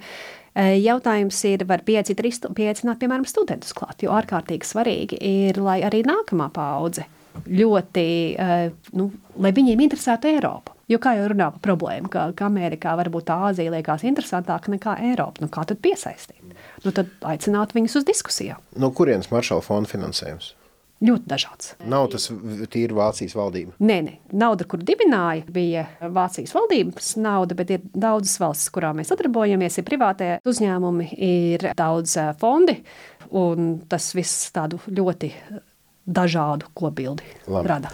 Zini, ir tie mēmi, uh, kur ir tas ir tas, kā mana mamma iedomājas manu darbu, tas ir tas, kā man draugi domā, ko es daru, tas ir tas, ko es mans vīrs domā, ko es daru, un tad ir rekur tas, ko es daru. Kas tad ir eksperta darbs? Tā patiesībā ir tur sēdēšana, lasīšana un, un braukāšana un visu laiku runāšanās, vai kas tas Kas, kā, man liekas, ka mēs visi gribētu pat varbūt vairāk sēdēt un lasīt, bet reālā dzīvē man liekas, mums daudz vairāk ir jāskrien un jārunā, un, eh, bet tam visam, protams, arī ir tas saimnieciskais, kur vai, vai, vai, vai jā. Klau, eh, Vai ir tādi eksperti, un tagad palīdzēsim pašiem cilvēkiem? Zinām, kā mūsdienās ir tā, ka daudz, daudz netic nevienam un grib paši izdarīt secinājumus. Tad uh, ir kādi eksperti, ja mēs tieši gribam izprast uh, Krieviju, Ukrainu, uh, um, eksperti, kurus tu pati ļoti vienmēr uzmanīgi klausies un, un, un mēģini vienmēr ieklausīties, uh, jo tas ir tā vērts. Ie, ie, daži ieteikumi mūsu klausītājiem. Vai ir kāds? Ja nē, nē, nu, mēs varam iet tālāk. Varbūt tā, bet varbūt baigi, jā, tāpēc, ka viņas visus, es teiktu, uzklausīt tikai vienus vai divus no jebko nav gudri. Mm -hmm. Tāpēc, ka tas ir, uh, Es teiktu, nē, nevis tikai vienu vai divas, bet kuras noteikti nevajadzētu palaist garām, ja, ja, ja kāds. A, ne, es, es negribu tādu, ne, tāpēc, ka Slidena tēma, ka es saprotu. Pārāk slidena tēma, tāpēc, ka tā būtu, ko es tikai paļaujos. Nē, nē, nē es okay. nepaldies. Grāmata? Kāda, kas noteikti būtu jāizlast? Par Krieviju, Ukrainu. Jā. Nē, tur, tad, es, es arī es, es negribu, tāpēc, ka tur, tur jau tā lieta, ka tas viss ir tā kā groziņš, kurš sapīts kopā no, no, no ļoti daudziem ļoti daudz niansēm. Jā, jā un, un man liekas, ka nē, tur, tur jau ir tā lieta. Aha. Ka vajag uzsūkt cik vien daudz iespējams un izprast kontekstu, un kāpēc kādam ir tas viedoklis, un tā kopildu veidojās, e, kad atrod pretstatu starp dažādiem viedokļiem un, un, un meklē to. Bet tev, tavuprāt, um, tavuprāt, piemēram, ja es gribētu saprast situāciju, vai ir pareizi, ka ir nobloķēts ļoti daudz ziņu, informācijas kanāli, kas atrodas Krievijā, no Latvijas ir pieeja nobloķēta? Tas ir pareizi vai nav pareizi? Es zinu, ka tev visdrīzāk nekas nav nobloķēts, un man arī mājās ar VPN. Jā, tā kā man, es, es, es pārbaudīju, tā kā, kā nu, nu, pats, uz, bet, bet, pats arī pārbaudi, jā, vai ir, tās abas puses jālasa. Paskaties, ir jā. abas puses jālasa, vai ne? Jā, nu tad, bet tad ir izdomā, kā tikt pie tās informācijas klāt. Nu, tad, nu, nē, nē, nekad, bet, jā. bet jautājums ir, ir jāzina, ko, jā. ko jā. raksta viņi, vai ne? Lai arī tas būtu pēdējie meli vai vēl kaut kas. Nu, bet tas ietekmē Krievijas arī sabiedrības domāšanu, tāpēc tas ir ārkārtīgi svarīgi. Nu, nu, dabīgi, jā, bet vai kā tu pār pārbauda to, vai ir pieejams vai nē, izdomā apiet. Apsies, kā nu, Krievijā paši arī izdomā, kā, kā apiet cilvēki, lai tiktu pie citas informācijas, pārbauda, kā tas ir būt cita, nu, citādā. Ja? Ko tas nozīmē, ko tu tur redzi? Tātad, dārgie mūsu klausītāji, mūsu pastāvīgā eksperta Kristīna Bērziņa. Neiesaku jums klausīties nevienu citu ekspertu. Jā, jāklausās drošinātājs. Vai arī vis, bet visus jau nevar. Visus nevar. Tāpēc arī mēs esam priecīgi, ka tu esi reiz nedēļā ar mums. Uh, un, un iedod, un iedod uh, savu analīzi par notikumiem, un tiem, kuriem kaut kas nepatīk, nu, tie paši vainīgi, tie mūs neklausās visdrīzāk. Bet paldies tiem, kur mūs klausās. Vai ir vēl kaut kas tāds, kas man te noteikti jāpaprasa, vai ir, ko es neesmu paprasījis? Nē, man liekas, ka būs arī būs viss. Nē, man patīk tas, ka tātad, tu esi purčika meitene, izaugusi Čikāgā, gājusi caur Jēlu un Kembridžu, uh, aprecējusi savu klases biedru, kurš ir Washington Post žurnālists, kurš ir amerikānis, kurš arī vasaras ir pavadījis Latvijā, spēja tirgu. Dzīvoja šeit arī pandēmijas laikā, ne tikai Pareizi, vasaras. Un jā. spēja latviski runāt. Jā. Mūsu cilvēks tātad ir arī Washington Post. Mūsu cilvēks Kristīna Bērziņa ir Vašingtonā un ne tikai. Um, tā kā, jā, mums ir uh, liels, es domāju, es arī varu runāt tāļu vārdā, mums ir liels prieks un gods, ka tu esi ar, ar savu viedumu uh, papildina drošinātāju. Un, um, nu ko, um, mēs tā sakām visu laiku, mēs esam vienīgais podkāsts, kurš pēc iespējas ātrāk grib beigties. Nevis tāpēc, ka mums nepatīk vienam otra kompānija, bet tāpēc, ka tēma ir karš Ukrainā. Cerams, ka tas ātri beigsies, bet, ja jau tu pateici, un tā teikt, var atsaukties uz to, ka tu pareizi prognozēji, ka Krievija iebruks Ukrainā, tad man te jāprasa tikpat sarežģīts jautājums uz priekšu. Iespējams, ka tu esi atbildējis to jau citas reizes. Uh, kad mēs varēsim teikt, ka karš ir beidzies? Cik ilgi jāgaida? Ir ātrākais 25. gada sākumā. Paldies, tev, Kristīne, ka veltīji savu laiku, un tu jau visdrīzāk atkal dodies kaut kur pasaulē, uz Vašingtonu vai uz nezinu, kur, kurieni. Bet pēc tam arī būs jālido atpakaļ. Tur jau tā lieta, ka pasaule nav nemaz tik liela. Nu, ja, un mēs tiksimies atkal ar Kristīnu Bērziņu pēc nedēļas, jau atkal ierastajā formātā runāsim par aktualitātēm, kas saistītas ar karu Ukrajinā. Paldies! Paldies!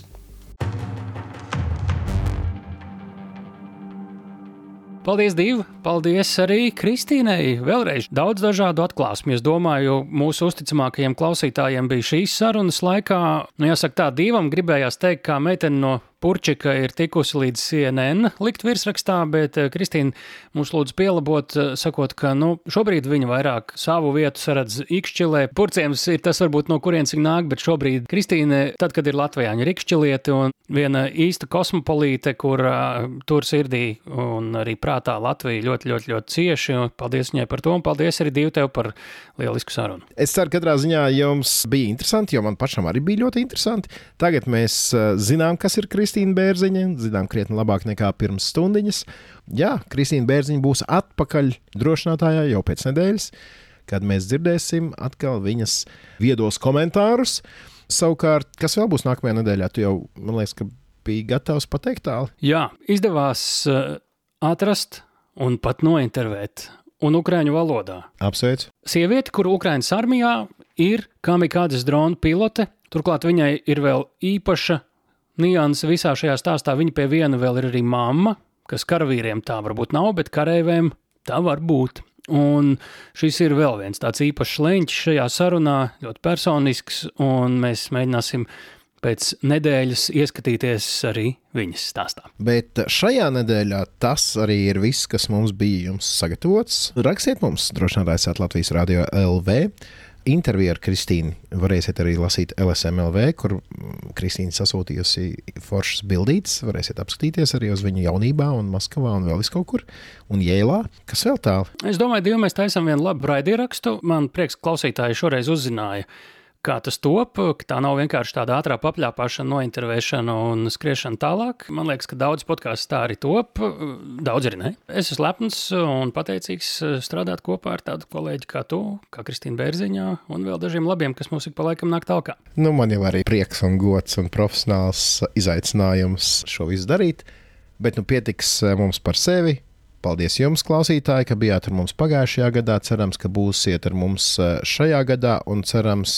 kā zināms, mūsu cerība ir, ka mēs kopā būsim pēc iespējas īsāku laiku, jo tas nozīmēs, ka Ukraina ir uzvarējusi. Un šim podkāstam vairs nav pēc tāda vajadzības. Bet kamēr vēl vajadzība ir, tikmēr mēs turpinām.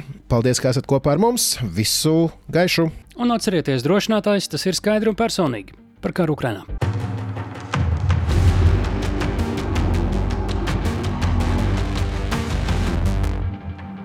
Raidieraksts drošinātājs.